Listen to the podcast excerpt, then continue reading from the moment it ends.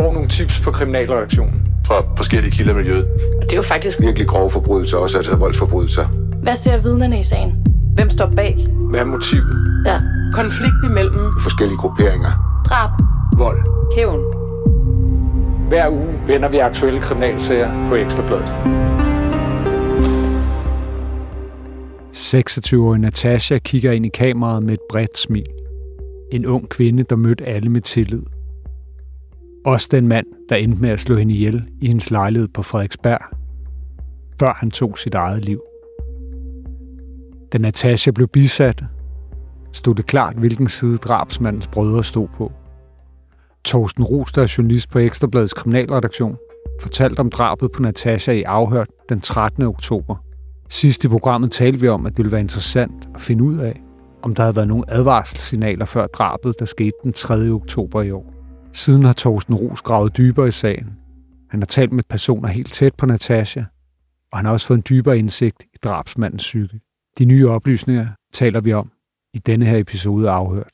Torsten, øh, gerningsmanden, som jo hedder Frederik øh, Nalat K. Sørensen, Mm. stak sin ekskæreste Natasha ihjel med jo mange knivstik i hendes lejlighed på Frederiksberg, efter han havde smadret en rude i terrassedøren til hendes lejlighed.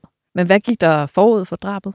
Hvis vi trækker sporet lidt længere tilbage end øh, de tragiske begivenheder den aften, så kan jeg fortælle, at jeg, jeg har jo talt med kvindens øh, stedfar og en øh, meget nær ven til gerningsmanden. Og de fortæller, at øh, Natasha slog op med Frederik i løbet af sommeren, altså nu her juni i år.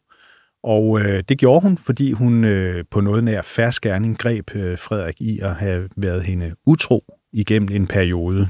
Øh, på det tidspunkt havde de været kærester i cirka et halvandet års tid. Ja, og så skete der det, at, øh, at det reagerede Frederik meget øh, kraftigt på. Det var et hårdt slag for ham. Han var angiveligt dybt forelsket i Natasha. Man kan så undre sig over, at han øh, var hende utro, men det er i hvert fald det, vi får at vide. Og måske var han også øh, sårbar. Altså øh, meget tyder på, at han havde et, et spinkelt socialt netværk, øh, og at Natasha havde meget, meget stor betydning for ham. Og hvordan reagerede han helt konkret på brudet? Altså holdt han afstand fra Natasha? Nej, altså han var jo dybt ulykkelig og, og, og, og talte i et væk om det i, i forhold til øh, sin nære ven øh, og, og, og græd og, og var meget ked af det. Ikke?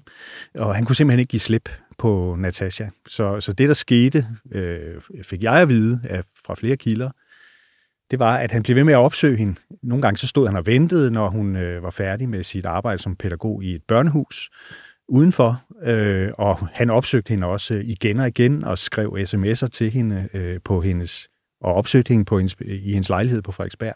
Og nogle gange så gik han rundt i området øh, i længere tid, før han øh, tog mod til sig og ringede på hos hende. Altså vil du vurdere, at det er karakter af stalking? Ja, det, det, er i hvert fald, øh, det er i hvert fald det indtryk, jeg står tilbage med, og det, det ord bliver også brugt. Og hvordan, øh, hvordan reagerer Natasha på alt det? Jamen, Natasha øh, er jo, øh, ifølge alle de beskrivelser af hende, jeg har fået et, et meget tillidsfuldt menneske, som, som egentlig også ville Frederik det bedste. Hun havde sådan lidt svært ved at, at, at, kan man sige, at sætte en streg måske, og sige til ham, at nu kunne han ryge og rejse. Altså hun, hun øh, gik op i, at han kom godt videre. Hun sagde jo også til, til bekymrede familiemedlemmer, at Frederik, han, øh, han ville aldrig gøre mig fysisk fortræd. Sådan er han ikke. Så familiemedlemmerne var bekymret for, at han kunne Ja, det gøre noget de. ved hende, men hun var ikke bange for ham? eller? Det gav hun udtryk for, at hun ikke var. Øh, Så det, det må man jo tro, at, at øh, det var sådan, det forholdt sig. Og du siger jo, du har talt med Natashas øh, stedfar, som jeg forstår var rigtig tæt på hende. Ja.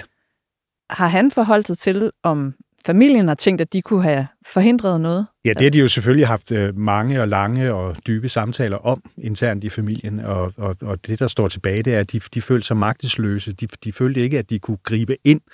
Øh, de forsøgte i, i den her periode, hvor det eskalerede med, med Frederik Storking, og, og sådan sige til hende, lad nu være med at, at tage alene ud, og, og, og det lykkedes dem også at få lov til at eskortere hende hjem øh, ved flere lejligheder, men det var ikke hendes ønske, det var deres. Så de siger, at de kunne ligesom ikke gøre mere. Altså alle i familien vidste jo, at han havde fået en dom nogle år i forvejen på seks års fængsel for, for drabsforsøg på sin lillebror. Det kan vi jo eventuelt lige vende tilbage til. Øh, men, men Frederik havde jo over for både Natasha og, og hendes familiemedlemmer. Han var jo en del af familiens liv. øh, sagt, at det skete 100% i nødværve. Og det valgte de jo så at tro på. Men i hvert fald til, i forhold til Natasha, så kan vi konstatere, at der var nogle advarselssignaler. Ja, det var der. Torsten, nu øh, var du lige kort inde på drabsforsøget mod øh, hans egen lillebror Ja. i 2019. Hmm. Kan du øh, kort skitsere for os, hvad, altså, hvad der sker der? Altså, hvis vi skal tage udgangspunkt i, i dommen, så blev Frederik idømt seks års fængsel for drabsforsøg på sin lillebror, og han skulle have stukket ham med øh, 14 knivstik, hvoraf flere var meget dybe. Han blev ramt i brystkassen, i halsen, tæt ved det ene øje. 14 knivstik. 14 det er knivstik. voldsomt. Det er mange. Ja, det er voldsomt. Og som jeg så Øh. i din dækning, altså det var jo både i hovedet og... Ja, det, var- det var ja, alle mulige steder. Øh, og faktisk så bliver det nævnt på et tidspunkt, at, at der var et, et stik på 20 cm i den ene arm, hvilket er, er helt usædvanligt. Der har virkelig været kraft bag. øh, Hvorfor gik det ikke knivstik. egentlig fuldstændig galt? Jamen, det kan man også undre sig over. Og det undrede måske også øh, eksperterne. Der var en retspatolog, der sagde, at øh, hvis, hvis han ikke havde fået lillebroren øjeblikkelig lægebehandling, han fik meget hurtig lægebehandling, Og han stak af for stedet. og stak af for stedet og så videre, kraftigt blødende, så, så var han øh, ikke, øh, så han ikke overlevet det her overfald. Men altså, jeg skal fortælle lidt om baggrunden for, for, for den meget øh, voldsomme hændelse. Det sker i øh, Lillebrorens lejlighed i Charlottenlund, hvor Frederik øh, opsøgte ham øh, natten til 14. marts 2019. Og der var egentlig ikke nogen alvorlig kur på tråden, øh, øh, kan man sige. Det, der, der er sådan en baggrund med, at Frederik havde det svært. Han var lige øh, øh, blevet far til en søn, og, og havde svært ved at tage farrollen på sig, og der havde været et slagsmål mellem brødrene i Thailand. De er sådan af delvis thailandsk oprindelse, alle tre. Og det, det lå stadigvæk i Frederik. Men, men det er sådan mere et bagtæppe. Altså, de talte sådan fredeligt om Formel 1 og Netflix og, og, og alt muligt. Og broren anede ikke uråd. Altså, det, det var sådan, som det var. Så på et tidspunkt, så opstår der et skænderi om noget privatøkonomi, som jeg ikke vil gå dybere ind i, men den bliver også lagt ned. Øh, på et tidspunkt, så forlader ifølge lillebroren Frederik stuen og går ud i køkkenet, og da han så vender tilbage, så øh, går han direkte hen med en global kniv i hånden og hakker ham i nedadgående retning direkte ind i brystkassen. Øh, selv har Frederik forklaret, at han følte sig truet, og, og igen den der med, at det var nødværve, det blev skubbet til side af retten. Han blev simpelthen øh, øh, dømt for drabsforsøg. Ikke? Og blive dømt øh, seks års fængsel Ja, og for sådan at anskueliggøre alvoren i det overfald, så, så, blev, så flygtede han jo umiddelbart efter de første stik ud i opgangen, og der indhentede øh, Frederik ham og blev ved med at hakke ham i kroppen med den her øh, kniv. Altså lillebroren flygter ud i opgangen, Ja, men lillebroren- Frederik øh, altså følger efter Følger ham, øh. efter og bliver ved med at hakke ham med den her kniv. Øh, Torsten, noget af det, der er interessant ved, at du nu har fået den her dom, det er jo også, at vi Mm. får et dybere indblik i Frederik. præcis. Altså hans psyke, Ja. ja. øh, hvad det er, som øh, psykologerne har fundet i undersøgelsen af ham mm. i forbindelse med øh, sagen om drabsforsøget. Vi får også en gennemgang af hans, øh, hans liv. Ja. Hvorfor nogle øh, nedslagspunkter øh, vil du trække frem, der også kan være relevant for det, han øh, jo nu altså er, er mistænkt for, altså at have slået Ja. Natasha ihjel? Jamen, altså Frederik har haft et vanskeligt liv. Det er der ingen tvivl om. Han har, altså, hjemmet har været præget af, at forældrene blev, blev skilt, øh, mens øh, de var ganske små, de her tre øh, drenge. Og faren har været i lange forløb fraværende fra hjemmet. Moren har, har kæmpet for at få tingene, enderne til at mødes i en meget lille lejlighed med de her øh, tre øh, drenge, som udviklede et noget anspændt forhold.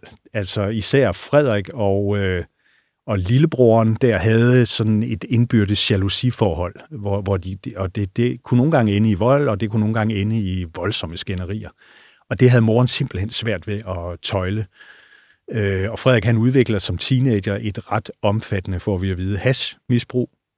Men lykkes sådan med, fordi han er jo ikke sådan øh, ubegavet på nogen måde. Han lykkes sådan med at komme igennem, men med, han, han er på efterskole og får en HF-uddannelse og en skibsassistentuddannelse. Og faren forsøger også at tage ham ind i, sit, øh, i sin øh, virksomhed øh, og sådan noget. Men, men det er ligesom om, der er, ikke- altså, han kan ikke rigtig få fat i noget, øh, Frederik. Og altså en barndom, hvor Tilbagetrukket faren har og- været meget fraværende. Ja, helt sikkert. Og, og, og, og øh, folk, som jeg kender, som kendte ham dengang, som jeg har talt med, beskrev ham som en meget tilbagetrukket type. Man kunne ikke rigtig finde ud af, hvor man havde øh, Frederik. Hans bror og hans far gav også øh, forklaring i retten. Hvad, hvad sagde de Ja. om, om ham?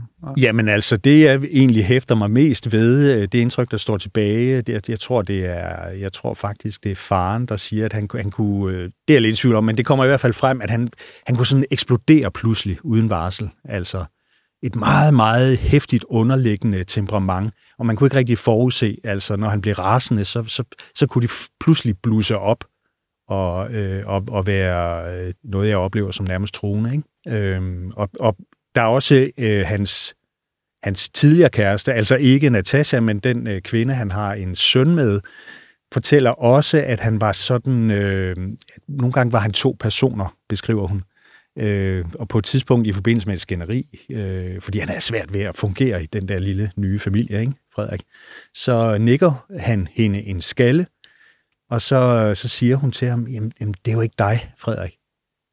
Og hans svar, øh, synes jeg, øh, taler sit eget tydelige sprog. Han siger, nej, det er det ikke. Det er Det er uhyggeligt. ikke mig her. Ja, det, det, det kan godt øh, virke lidt uhyggeligt, ikke? Men hvordan, altså det lyder jo nærmest som noget, noget psykisk sygdom på en Ja. eller anden måde. Øh, Mhm. Altså han er vel blevet mentalundersøgt Ja. i forbindelse med de her sager. Hvad, Ja. Hvad er kommet frem der? Jamen, det, der kom frem fra altså retspsykiatrisk øh, klinik, har, har lavet, en ret, lavet en ret grundig undersøgelse af ham. Øh, og der Som kom det det jo frem, sker i sager om Ja, ja. drab og drabsforsøg. det er helt rutinemæssigt. det. Og der konstaterer de, måske lidt overraskende for mange, at han ikke var psykisk syg, og han var ikke i gerningsøjeblikket og i det hele taget dengang påvirket af stoffer eller alkohol eller medicin. Normalt begavet, ikke manisk, ikke depressiv, ikke psykotisk. Men de bekræfter i og for sig det, øh, faren og, og, og ekskæresten og broren fortæller i retten. Altså de siger, at han har sådan en problematisk affekthåndtering. Øh, og, og det synes jeg også, det er jo sådan lidt et, et, et, et videnskabeligt retorik for det samme. Ja, altså øh, affektforvaltningsproblematik, som Ja. de skriver det. Altså, Ja. han kan simpelthen ikke styre sin vrede. Nej, det er måske det, vi er vidne til. Altså nogle gange så tror folk, at alle, der slår ihjel, er psykisk syge. Det er jo slet ikke øh, sådan, øh, virkeligheden er. Ej, jeg lægger jo mærke til, at øh, ekskæresten øh, i retten sagde, at hun, øh, hun har været bange for ham, Ja. og, og netop havde den der fornemmelse af, at han ikke kan styre sig, når Ja. han bliver sur. Og der kan man jo så sige, at nu får han så de her seks års fængsel. Øh, og, og der bliver det jo så et tema nu, øh, og det har jeg også talt med Natashas familie om, at han faktisk bliver prøveløsladt efter afsoning af halvdelen af straffen for det her drabsforsøg. Og det, er, det har øh, Natashas familie meget svært ved at forstå. For som de siger, han har været igennem grundige undersøgelser igen, så de kunne vurdere hans farlighed. Ikke? Og hvornår er det? Jamen, det er jo så, øh, det er jo, altså han bliver løsladt, som jeg lige kan regne mig frem til. Det har været i starten af, af 2022, ikke? Og det er jo så umiddelbart efter, at han bliver kærester med, øh, med Natasha, ikke? Og det er usædvanligt, fordi man normalt øh, afsoner to tredjedel af sin dom, før man bliver prøveløsladt. Ja, altså de, de har været ret sikre i deres sag, øh, eksperterne omkring, at, at, at han var okay. Og der kan man sige, at det falder også i øjnene, at nu har jeg jo så også talt ganske kort med, øh, med Frederiks far, og noget af det, han siger, øh, taler jo ind i den samme problematik. Han, han siger, at, øh, at, at hans søn havde dæmoner i sig, og det var noget mentalt. Og når en far siger det, så, så, så, så kan det jo undre, at eksperterne er nået frem til en helt anden slutning. Ja, det må være en svær situation for den far. Altså, Ja, for søren. både at have været i retten og skulle øh, vidne mod sin øh, søn, og hans anden søn øh, Ja. var blevet stukket ned. Ja. I retten i forbindelse med drabsforsøget, der øh, sagde Frederik, at han gerne ville have hjælp til Mm. at håndtere det her Mm. øh, vredes problematik, som mm. han havde. Men faktum er jo, at øh, i oktober i år, der øh, dræbte han Natasha og Mm. tog livet af sig selv. Og så er vi fremme ved bisættelsen af Natasha. Christian Kornø, du var til stede der. Kan du beskrive, hvordan det var? Ja, vi havde jo ligesom aftalt med familien inden, at vi ville være til stede, men vi ville ikke gå ind i kirken for det. Øhm, men, men det er rigtigt, vi var ude foran, og ja, det som, det som var slående ved, ved en, en begravelse af den her type, det er jo, at der er rigtig mange unge mennesker, øh, og jo også flere unge mennesker, end man i gåsøjne ser til en, en normal begravelse, fordi at, øh, ja, det er jo hele hendes omgangskreds, som, som også øh, dukker op. Så det var øh, naturligt en, øh, en trykket stemning. Ja, bisættelser og begravelser er jo aldrig sjove, men, men jo kun endnu værre, øh, når det er altså helt unge mennesker, og, og, og når det er nogen, der bliver revet bort så pludseligt og så voldsomt. Og jeg talte også med Stefan dagen før, øhm, og han sagde jo også, at det er jo den værste dag i vores liv, vi skal igennem.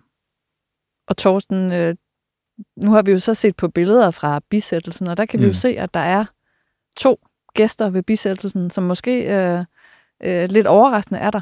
Ja, øh, overfladisk set vil det måske overraske nogen. Øh, det viser sig, at øh, Frederiks to brødre er, er til stede ved bisættelsen. Det var de, fordi de har givet sig til kende ret tidligt efter drabet i forhold til Natasjas familie. De øh, opsøgte simpelthen familien direkte og kondolerede og sagde, at de, øh, at de tog afstand fra deres brors handling, og at de var frygtelig kede af hans handling. Og så spurgte de, om familien havde det øh, okay med, at de viste respekt for Natasha og dukkede op til hendes bisættelsen. Og det talte jeg jo som øh, stedfaren om, øh, det forløb, og han sagde, at det, det, det var de ikke i tvivl om, at det var det rigtige. At det var i, så at sige, Natashas ånd, at, øh, og at det var et smukt signal. Det viser sig så også, fik jeg at vide, at Frederiks storebrors kæreste var meget nære veninder med Natasha. Så der var i forvejen en, en forbindelse jeg synes jo egentlig, det taler ind i, at, at vi har at gøre med, med familier, der sådan har overskud også til at vise medfølelse og forståelse. Begge veje. Ved du noget om den sidste afsked med Frederik? Ja, altså jeg har fået at vide øh, fra anden hånd, at, øh, at han blev bisat dagen i forvejen, og til den mindehøjtidlighed var det udelukkende den aller, aller nærmeste familie til stede. Og hvis vi så lige skal runde af, så øh, var vi jo også inde på sidst, vi talte om sagen, at det er meget begrænset, hvad Københavns politi de har fortalt om mm. sagen. Altså fra deres udgangspunkt, så er den jo mere eller mindre øh, opklaret, fordi at de mener, at de har fat i gerningsmanden. Ja, det kan man sige. Men altså, hvad er status? Ja, altså status er jo, at der kommer aldrig en retssag. Øh, hvis, hvis, hvis, øh, og det, det, det er alle jo enige om, at øh, Frederik var gerningsmanden, og han har jo taget sit eget liv efterfølgende. Ikke? Øh, men, men politiet gør jo altid den type sager det, at de færdiggør efterforskning. De foretager afhøringer, og de klarlægger hændelsesforløbet, og om der eventuelt måtte være et, øh, et motiv. Og det er familien jo også meget interesseret i, skulle jeg hilse at sige. Altså, de vil jo gerne vide, om, om Frederik simpelthen var ved sine fulde fem, da han foretog den her handling. Men der ligger ikke endnu en konklusion. Øh, vi, vi har ikke fået, altså politiet har ikke fået rapporter tilbage om, om, øh, med, med, med klare oplysninger om øh, fra obduktion eller blodprøve eller noget andet, så de, de er ikke i stand til at konkludere endnu. Men det vicepolitiinspektør Brian Belling har sagt til mig, det er, at intet tyder på, at der er en anden gerningsmand. Og når han siger det, så er det sådan, det er. Ja, når du siger, at de skal undersøge, om han var sin, ved sin fulde fem, altså hvad ligger der det? Fordi de kan jo ikke lave en mental undersøgelse på, om han er jo død. Nej, men de kan jo se, om han eventuelt har, har spor af narkotiske stoffer eller alkohol i blodet, Øhm, og, og den konklusion vil, vil, øh, vil øh, politiet nå frem til i løbet af nogle uger, og så vil de selvfølgelig vende tilbage til øh, Natashas familie.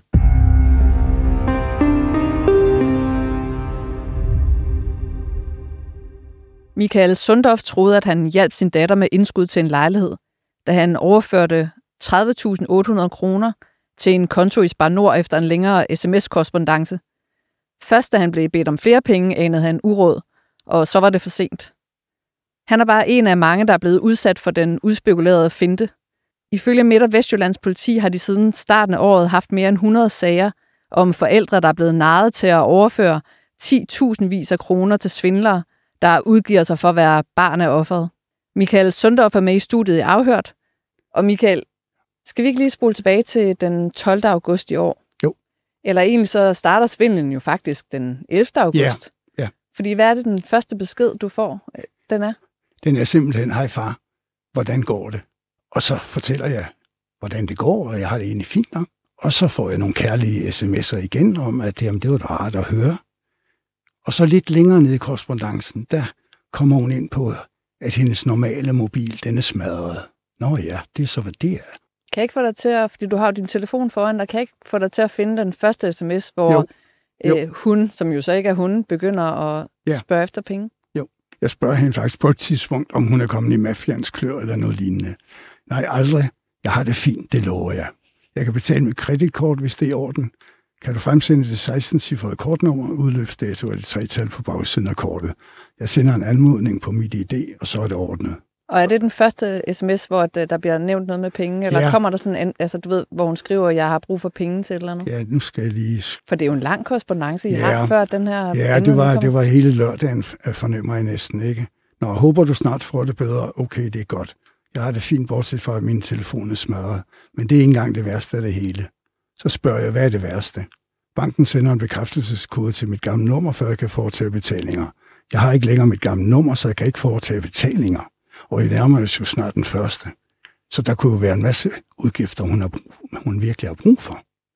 Kan du foretage denne betaling for mig nu, og jeg giver dig pengene tilbage på fredag? Ja, hjerte. Ja, det kan jeg selvfølgelig godt. Hvad skal jeg gøre? Okay, tak for hjælpen. Jeg kan sende dig de korrekte kontooplysninger nu. Det samlede beløb er 31.600. Det er for manglende betalinger for, til finansiering, men jeg har sikret mig, at alt er i orden, så jeg forklarer det hele senere. Jeg kan betale dig senere på fredag. Og kan du huske, hvad du tænker der? Jamen, jeg tænker jo, jeg tænker jo egentlig ikke. Jeg føler jo bare med hjertet, om at hun har brug for de penge. Og så er, det, så er den ikke længere. Og hun skriver ikke fra sit eget nummer. Hvad tænker Nej. du om det? Ja, hun har jo fortalt, at hendes mobil er smadret. Så hun har sikkert fået oprettet, købt en billig telefon et eller andet sted. Jeg tjekker ikke, jeg dobbelttjekker ikke. Jeg gør ingenting. Og det kan man i bagklogskabens lys sige, at det er virkelig dumt. Du er 73 år. Ja. Hvor kyndig er du egentlig med sådan uh, IT og elektroniske aggregater? Nej. Siden jeg var ansat i DSB, så er det glædet mere og mere i baggrunden. Så det har jeg ikke den store fornemmelse for. Min døtre hjælper mig stort set med alt digitalt. Og du er jo så på en eller anden måde nu havnet i, i en fælde. Du er blevet overbevist om, at det er din datter, du skriver med. Hun beder om nogle penge, og du er sådan set klar til at hjælpe hende. Og hvad Ja. sker der så? Hvad gør du? Ja, så hjælper hende simpelthen. Altså, der gik jo hele lørdag aften, og øh, ja, jeg regnede med, at jeg måske kunne tjekke noget om mandagen, hvor ting har åbent. Men så får jeg igen en sms om, at det haster.